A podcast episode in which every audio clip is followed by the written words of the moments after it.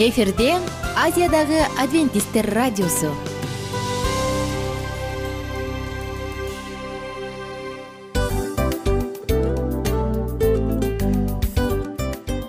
Достор салют.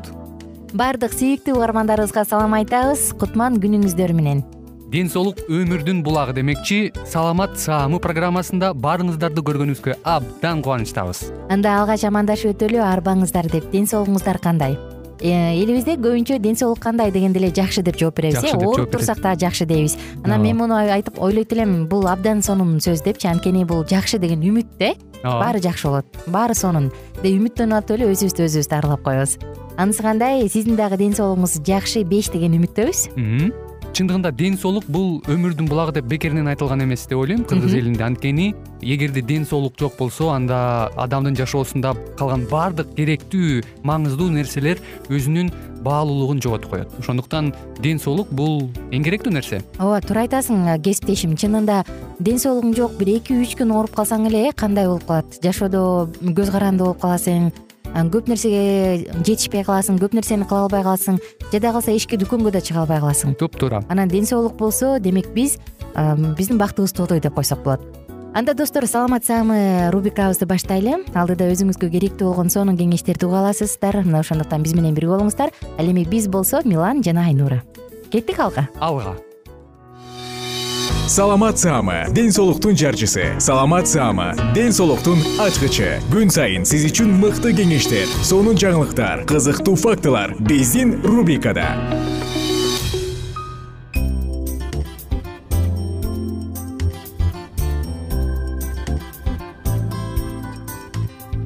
саламатсыздарбы ардактуу угармандар жалпыңыздар менен салам айтабыз дагы. Бүгүнкү темабызды жаңырталы. Албетте бул бир аз ачык көп айтылбаган темалардын бири. Ыңгайсыз да болушу мүмкүн бирок ошентсе дагы бул теманы көтөрүп чыгалы дедик. Сексуалдык зордук зомбулукка жок деп айтабыз.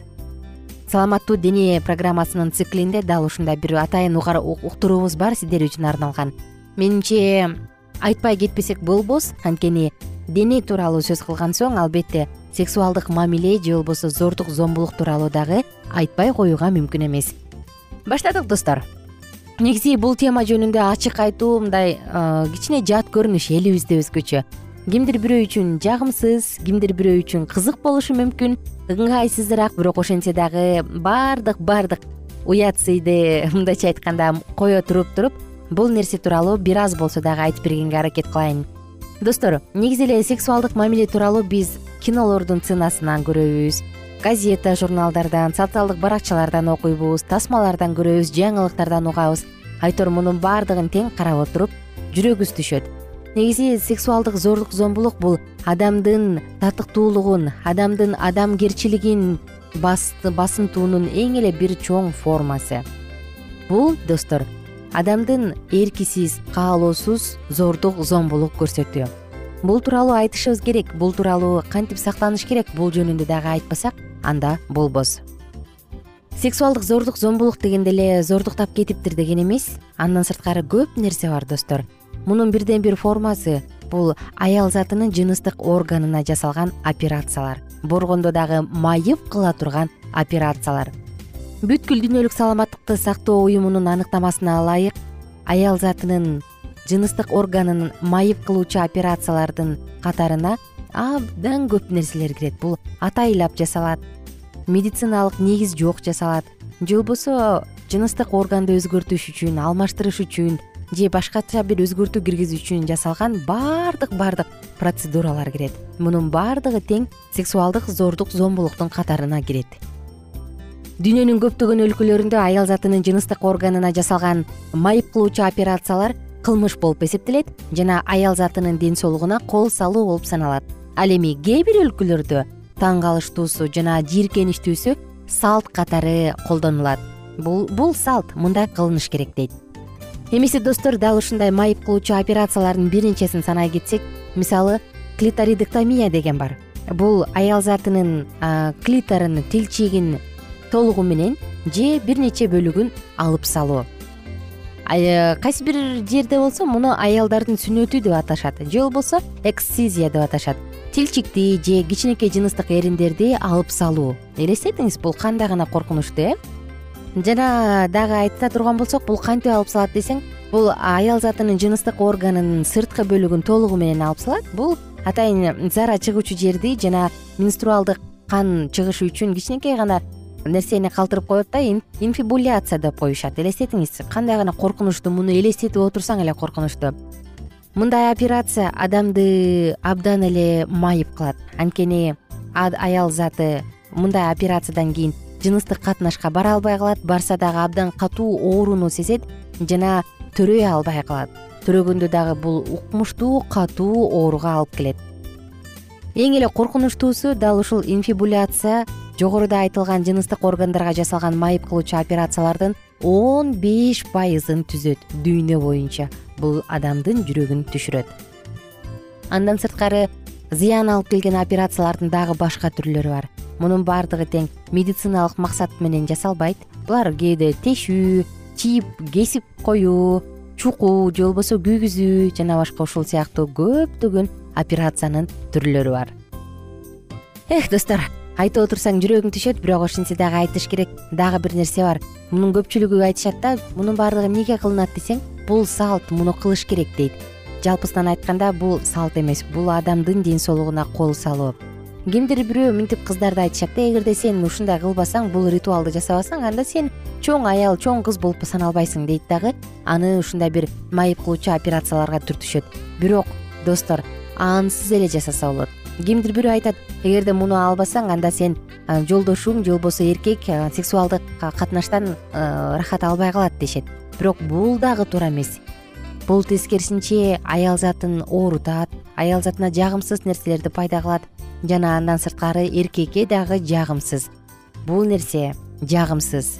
Кимдир бирөө айтат эгерде сен жолдошуң менен төшөктөгү мамилең жакшы болушун кааласаң анда эркектикине окшош ушундай ушундай жерлерин алып салыш керек деп.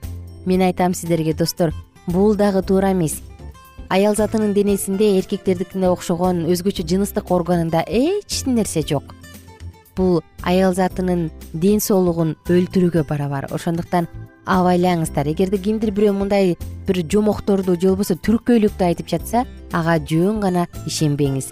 Кээ бирөө айтат эгерде жолдошуң сени алмаштырбасын же болбосо ала жипти аттабасын десең анда ушундай ушундай кылып кой дейт. Бул дагы туура эмес достор. Жаратуучу бизди баардык нерсеси баардык жагы менен ойлонуп жаратырып койгон. Мына ошондуктан анын сырткы органын же болбосо сырткы көрүнүшүн эмес ал эмне үчүн жаратылганын гана ойлонуп коюңуз ошондо жаман түркөйлүк мамилеге түркөйлүк кадамдарга барбайбыз аял затынын жыныстык органына жасалган мындай операциялар майып кылуучу операциялар инфекциялык ооруларга өтө чоң алып келет. Элестетиңиз достор. Бул адамды жөн гана өлтүрүп коет. Ошондуктан айтарыбыз кандай жаратылсак ошол бойдон бололу? Жана эч кандай сексуалдык зордук зомбулуктар жок болсун достор темабыз бүткөн жок. Кийинки уктурууда сексуалдык зордук зомбулуктун кандай түрлөрү бар? Мына ушул тууралуу дагы кененирээк айтып бергенге аракет кылабыз. Ар бир пунктка токтолгонго аракет кылабыз. Тилекке каршы убакыттар биздин карамагыбыз дагы жети мүнөт бат эле өтүп кетти. Мына ошондуктан коштошууга убакыт келди кийинки уктуруудан жалпыңыздар менен амандашып саламдашып саатыбызды улантканча сак саламатта туруңуздар жашооңузда кол салган адамдар болбосун жаныңыздагы адамдар сизди сүйгөн сизди барктаган адамдар болсун. Кайрадан амандашканча бар болуңуздар. Саламат саама ден соолуктун жарчысы. Саламат саама ден соолуктун ачкычы. Күн сайын сиз үчүн мыкты кеңештер сонун жаңылыктар кызыктуу фактылар. Биздин рубрикада замандаштар баарыңыздарга ысык салам. Дил маек программабызга кош келиңиздер. Дил маек рубрикасы дегенде эле бул эмне болгон? Дил маек ким менен маектешебиз деп сурайт болуш керек угармандарыбыз. Бул рубриканы кыскача тааныштыра кете турган болсок ар тарап кесип ээлеринен болгон сонун интервью кеңештер бар ооба. жылдыздар менен болгон маек бар аталарыбыздын агаларыбыздын чоң аталарыбыздан сонун кеңештер бар ошондой эле эже сиңдилердин кеңештери бар. Айтор баардык кызыктардын баары алдыда негизи эле адам баласы бир кимдир бирөөнө ишенип сырын ачкысы келет эмеспи э? Мындай баарлашууга жакын келебиз го. Албетте.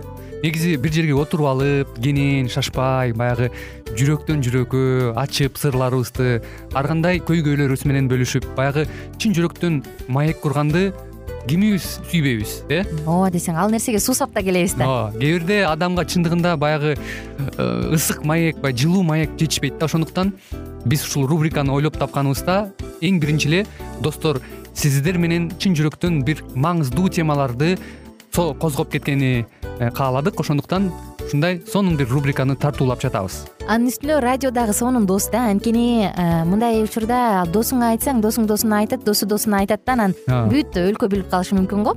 А радио болсо сени сатпаган сенин айыбыңды ачпаган. Сенин сырыңды эч кимге айтпаган сонун дос мына ошондуктан биздин алдыдагы айта турган кеңештерибизди биздин досторубуздун кеңештерин угуп анан ал жака пикириңизди дагы калтырып кайрадан биз менен байланышсаңыздар болот. Деги эле жашооңузга эгерде кичине болсо дагы өзгөрүү алып моралдык жактан нравовдук жактан сонун бир кеңештерди алсаңыз демек биз максатыбызга жеттик. Ооба. Чыңгыз атабыз улуу жазуучу э, чыңгыз айтматов айткандай адам болуу бул күнүмдүк процесс экен. Күн сайын адам бойдон калуу бул адамзатка эң эле эң кыйын дейт э? э эң кыйын дейт. Чындыгында бунун э, негизинде адамдын эң баягы сапаттуулугу адамдын э, адамгерчилиги жана көптөгөн керектүү нерселер. Мына ошол темалар дагы бизде ушул дил маекте биз аларды да козгойбуз. Ден соолук жөнүндө да сүйлөшөбүз. Сөзсүз түрдө анан милан мырза негизи айтып коюшат го. Биз көбүнчө эмнени ойлонсок ошол нерсеге карата иш кылабыз го. Ооба. Анан анысы кандай? Балким бул радио баракчада кимдир бирөөнүн оюн текшергенге жардам берет кимдир бирөөнүн жүрөгүн текшергенге жардам берет. Балким кимдир бирөөгө жашоонун маңызын тапканга жардам берет. Айтор кызыктын баары алдыда бул жөн гана кыскача жарнама анда угармандарыбыздын баардыгын кийинки рубрикабызга чакырабыз. Ал эми кызматта маңдайымда отурган кесиптешим милан жана мен айнура. Анда эмесе биз даярдаган терең терең ойлор менен таанышууга кеттик. Алыс алыс баралык.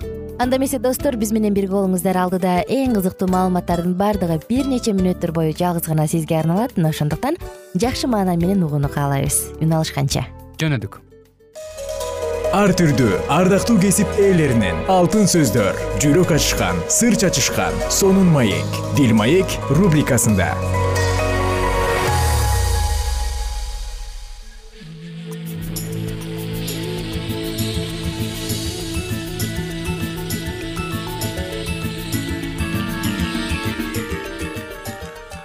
күнүңүздөр менен кымбаттуу радио кугармандарыбыз кайрадан эле сиздердин назарыңыздарда. Кыргызстанга саякат аттуу берүүбүздө кездешип жатканыбызга абдан кубанычтабыз. Адаттагыдай эле кызматыңыздарда микрофондо мен улан кубанычбеков. Бүгүнкү берүүбүздө э, кайрадан эле биз дал ушул чолпон ата шаарында орун алган тарыхый музей туурасындагы маегибизди улантабыз.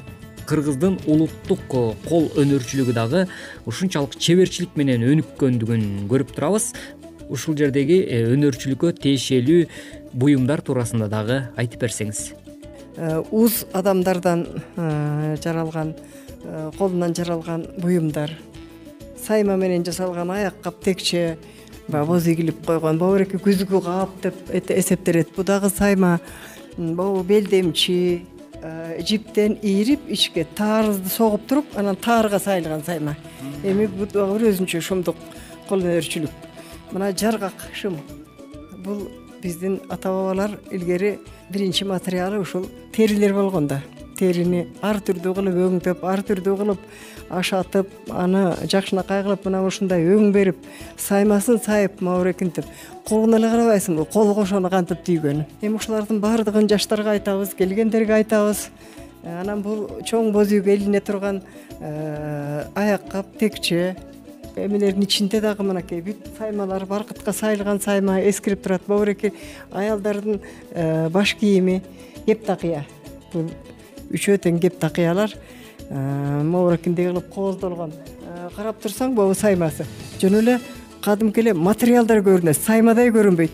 Карачы кандай майда кандай чеберчилик менен сайылгандыгын. Укмуш ушуну карап отуруп кандай уз болгон бизде адамдар деп бул могуреки коралл менен кооздоп чачпак тагышып өрүп седептерди кадап тетиги могу томолоктордун баары күмүштөн жасалгандар могулардын баары күмүштөн жасалгандар. Чынында эле абдан кызыктуу экен э, ал эми апа ушул кыргыз кыздары эзелтеден эле байыртадан э, биздин ата бабаларыбыз ушул кыз келиндерге баш кийимдерди дагы өтө аздектеп тигип аяр мамиле кылып келгени көрүнүп турат ал эми кеп такыя туурасында дагы айтып өтсөңүз.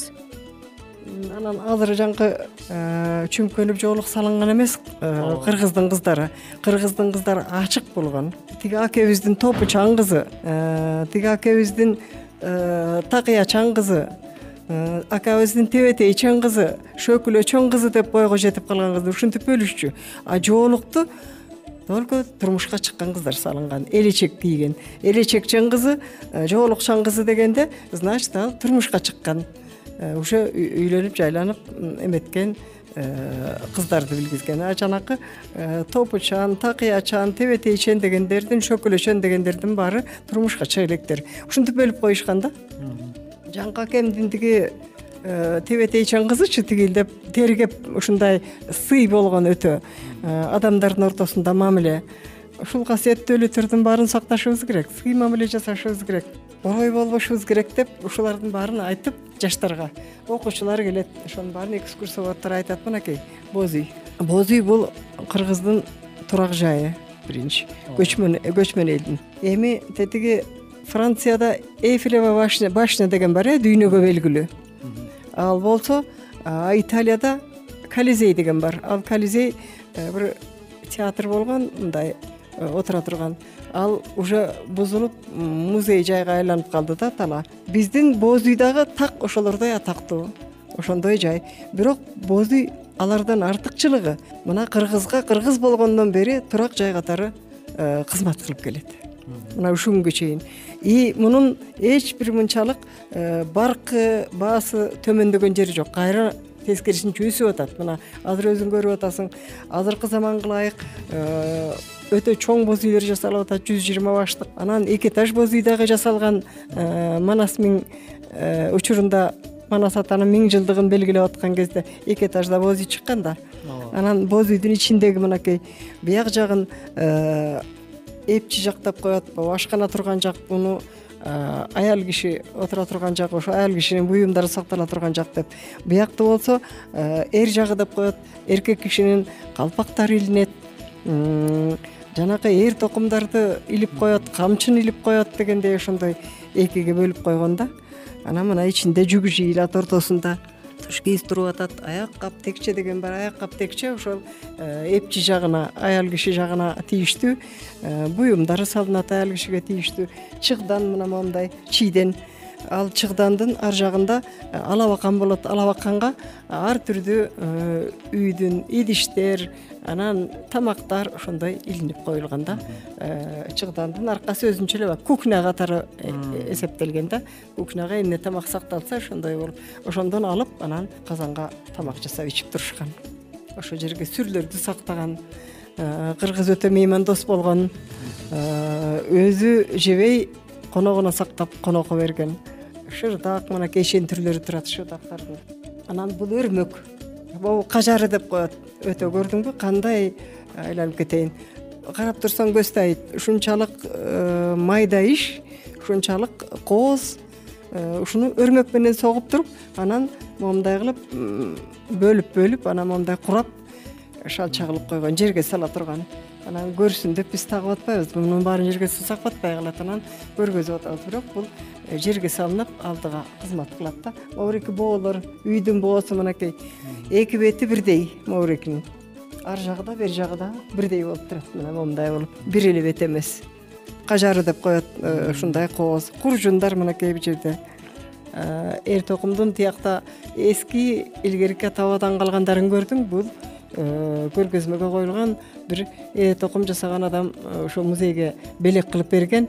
Э, азыркы кезде ушундай кайыштан моминтип оймо салып моминтип эме менен зымпоштоп металл менен ушундай кылып жасап белек кылып берип атышат бүгүнкү уктуруубузда дагы биздин суроолорубузга жооп бергениңиз үчүн ыраазычылык билгизебиз. Ал эми кымбаттуу радио көрөрмандар ушуну менен бизге бөлүнгөн убактыбыз дагы өз соңуна келип жетти. Эмки берүүбүздө дагы биз сиздер менен дал ушул чолпон ата шаарында орун алган тарыхый э, музей туурасындагы маегибизди эмки берүүбүздө дагы улантмакчыбыз. Бүгүнкү программабыз ушуну менен өз соңуна келип жетти. Кайрадан эле биз сиздер менен дал ушул аба толкундан амандашканча сак саламатта болуңуз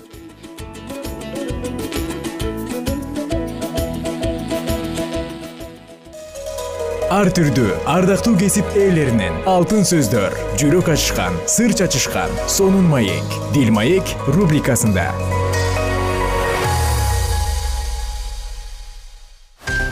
Жан дүйнөңдү байыткан жүрөгүңдү азыктанткан жашооңо маңыз тартуулаган жан азык рубрикасы.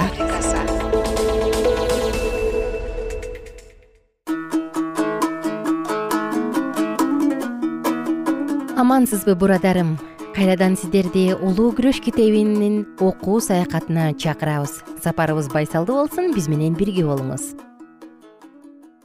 Кирип келген жандануулар адамдардын өз жүрөктөрүн изилдеп жана өздөрүн момун болууга мажбурлады. Машаяк ким үчүн канын төккөн болсо аларга эң эле салтанаттуу жана олуттуу чакырыктар айтылып жатты. Эркектер жана аялдар кудайга сыйынуу менен кайрылышып кудай менен бирдикте адамдарды куткарып калуу үчүн күрөшүп жатышты. Бул кыймылдын жыйынтыктары машаяктын ысымынын урматына адамдар алдында шылдыңдоолорду жана сынактарды бакыт үчүн баштарынан өткөрүп жатышкан адамдардын өзүнүн керт башынын кызыкчылыктарын ойлобогондугунун көрүнүп турду. Машаякка ишенген адамдардын жашоолорунда кескин өзгөрүүлөргө бардыгы күбө болуп жаткандыгын бардык адамдар көрүшкөн бул адамдар коомчулукка жакшы таасир калтырышкан. Алар машаяк менен бирдикте жыйнап жана түбөлүктүү өмүрдүн жемиштерин чогултуп алыш үчүн рух менен бирдикте себишкен. Алар жөнүндө минтип айтууга болот. Силер тобо кылуу үчүн капалангансыңар. Анткени кудайдын урматына чеккен капа куткарылуу үчүн чыныгы тобо келтирет. Силердин кудайдын урматына капа болгонуңардын өзү силерге кандай ынтааны кандай кечирим айыптууга кандай кыжырланууну кандай коркунучту кандай каалоону кандай ынталуулук кандай жазаны келтирерин көргүлөчү? Силер өзүңөрдү бул иште бардык жагынан таза көргөздүңөр. Экинчи корунтуктарга жазылган кат жетинчи бап тогузунчу он биринчи аяттар. Бул кудай рухунун аракеттеринин жыйынтыгы эле. Бир гана жашоодо болуп жаткан өзгөрүүлөр чыныгы тобо келтиргендик жөнүндө күбөлөндүрө алат эгерде күнөөкөр кепилдигин кайтарып уурдаганын берсе өз күнөөлөрүнөн тобо келтирип жана кудайды жана өз жакындарын сүйө баштаса анда ал кудай менен элдештим деп ишенсе болот. Баштагы жылдардагы диний жандануулардын жыйынтыгынын аягына мына ушундай болгон. Алардын алкышка толгон иштеринин жемиштерин таразалоо менен алар теңир аркылуу адамдарды куткаруу жана бардык адамзат тукумун жогору баалоо үчүн арналгандыгын биле алабыз. Баштагы кудайдын ырайымы иштерин баштап жүргөн кудайдын кызматчыларынан биздин учурдагы ушул сыяктуу иштерге арналган кыймылдар бир канча айырмаланып турат. Бардык адамдар арасында жандануу болуп жана көпчүлүк адамдар кудайга кайрылып жыйындар толуп жаткандыгы жалгандык эмес. Ошондой болсо дагы чыныгы руханий жашоо өсүп жатат деп айтууга болбойт. Жарык бир канча убакыт жарык болуп келет андан кийин кайрадан өчөт дагы караңгылык көзгө сайса көрүнгүс болуп калат. Көпчүлүк мезгилдерде диний жандануулар адамдардын жаңы жана таң калыштуусу бир нерсе көрүүнү каалаган күчтүү сезими аркылуу ийгиликке жетишет. Ушундай сезим менен кудайга кайрылган адамдар мукадастагы айтылган чындыктарды угууну каалашпайт. Алардын пайгамбарлардын жана элчилердин күбөлөндүрүүлөрүнө кызыгуусу дагы артпайт эгерде кудайга карата болуп жаткан кызматтарда таң калтыра турган эч нерсе болбой турган болсо анда ал аларды кызыктырбайт. Жана кумарларга чулганбаган акылга чакырык салган кабар аларда кызыгуу жаратпайт. Алардын түбөлүк өмүрү үчүн кызыгаарлык кудай сөзүндөгү эскертүүлөрдү алар барка алышпайт ар бир чын жүрөктөн кайрылган адамдар үчүн кудай жана түбөлүк менен мамилеси бул дүйнөдө эң негизгиси болуп эсептелет бирок азыркы кездеги таанымал жыйындардын кайсынысында өзүн кудайга арноо руху болуп жатат. Кайрылган адамдар өз текебердигинен жана дүйнөгө болгон сүйүүсүнөн баш тартышпайт. Жада калса кайрылгандан кийин дагы өзүндөгү мен деген рухун кое бербейт. Өз айкашкан жыгачын алып машаяктын артынан жолдобойт. Кайыр диндер жана скептиктер үчүн дин шылдың болуп калды. Анткени машаяктын атын алып жүргөн адамдардын жашоосу машаяк койгон шарттардан алыс. Такыбалыктын күчү көптөгөн жыйындардан куулуп ташталган. Шаан чөкөттүү сейилдөөлөр. Жыйындык жарманкелер жана оюн зооктор оюндар өтө кооз таамдар жеке көргөзмөлөр булардын баардыгы кудай жөнүндөгү ой жүгүртүүлөрдү басып коюуда. Адамдар дүйнөлүк кам көрүүлөргө жер менен алек болууларга жана каражаттарга ушунчалык сүңгүп кирип кеткендиктен түбөлүк баалуулуктар арзыбаган майда жана керексиз болуп эсептелет. Жалпы адамдардагы ишенимдин жана кудайдан коркуунун төмөндөп кеткендигине карабастан бул жыйындардын ичинде чыныгы машаяк жолун жолдогон адамдар бар. Кудайдын соту жер планетасына келээрдин алдында кудай элинин арасында элчилердин күндөрүнөн бери болуп көрбөгөндөй жандануулар болуп өтөт. Кудай уулдарынын үстүнө кудайдын руху жана күчү коюлат. Ошондо көп сандаган адамдар кудайга жана анын сөзүнө болгон сүйүүнү дүйнөгө болгон сүйүү кууп чыккан жыйындардын калтырышат. Көпчүлүк насаатчылар жана ишенген жөнөкөй адамдар машаяктын келишине даярдаш үчүн кудайдын эрки боюнча жарыяланган кабарды кубанычтуулук менен кабыл алышат. Бирок адам өмүрүнүн душманы баардык күч менен бул ишке жолтоо берүүгө аракеттенип турат. Ал бул кыймылдын болуусуна жолтоо болуп аны жалгандык менен алмаштыра ал азгырууга үлгүрүлүп калган жыйындарда кудайдын алкыштары азыр эле жаап калгандай шарт түзүп коюуда жана улуу диний жандануулар болуп жаткан сыяктуу сезилет. Көп сандаган адамдар алардын өмүрүндө кудайдын таасир бергендигине сүйүнүшөт. Бирок ошол эле мезгилде буларды башка рух аткарат динчилдиктин кебин кийинүү менен шайтан өз таасирин түгөл христиан дүйнөсүнө таратууну каалап жатат. Көп сандаган диний кыймылдар акыркы жарым кылым ичинде көптүр азыр келечекте чоң кыймыл аркылуу аракеттене турган ошол күчтүн иштерин көрүп келүүдө. Ушундай күчтүү сезимдерге ээ болгон адамдар чындык менен жалгандыкты аралаштырып көп адамдарды адашууга алып келип жаткандыгын биз көрүп жатабыз бирок алдоодон качып кутулууга болот.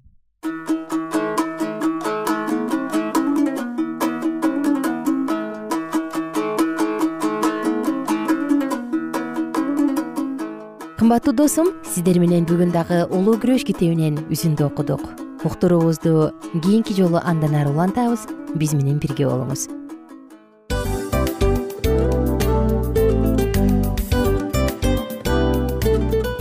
мына ушинтип убакыт дагы тез өтүп кетет экен биз дагы радио уктуруубуздун аягына келип жеттик. Келип кубандырдыңар эми кетип кубандыргыла деп тамашалап калышат эмеспи анысы кандай?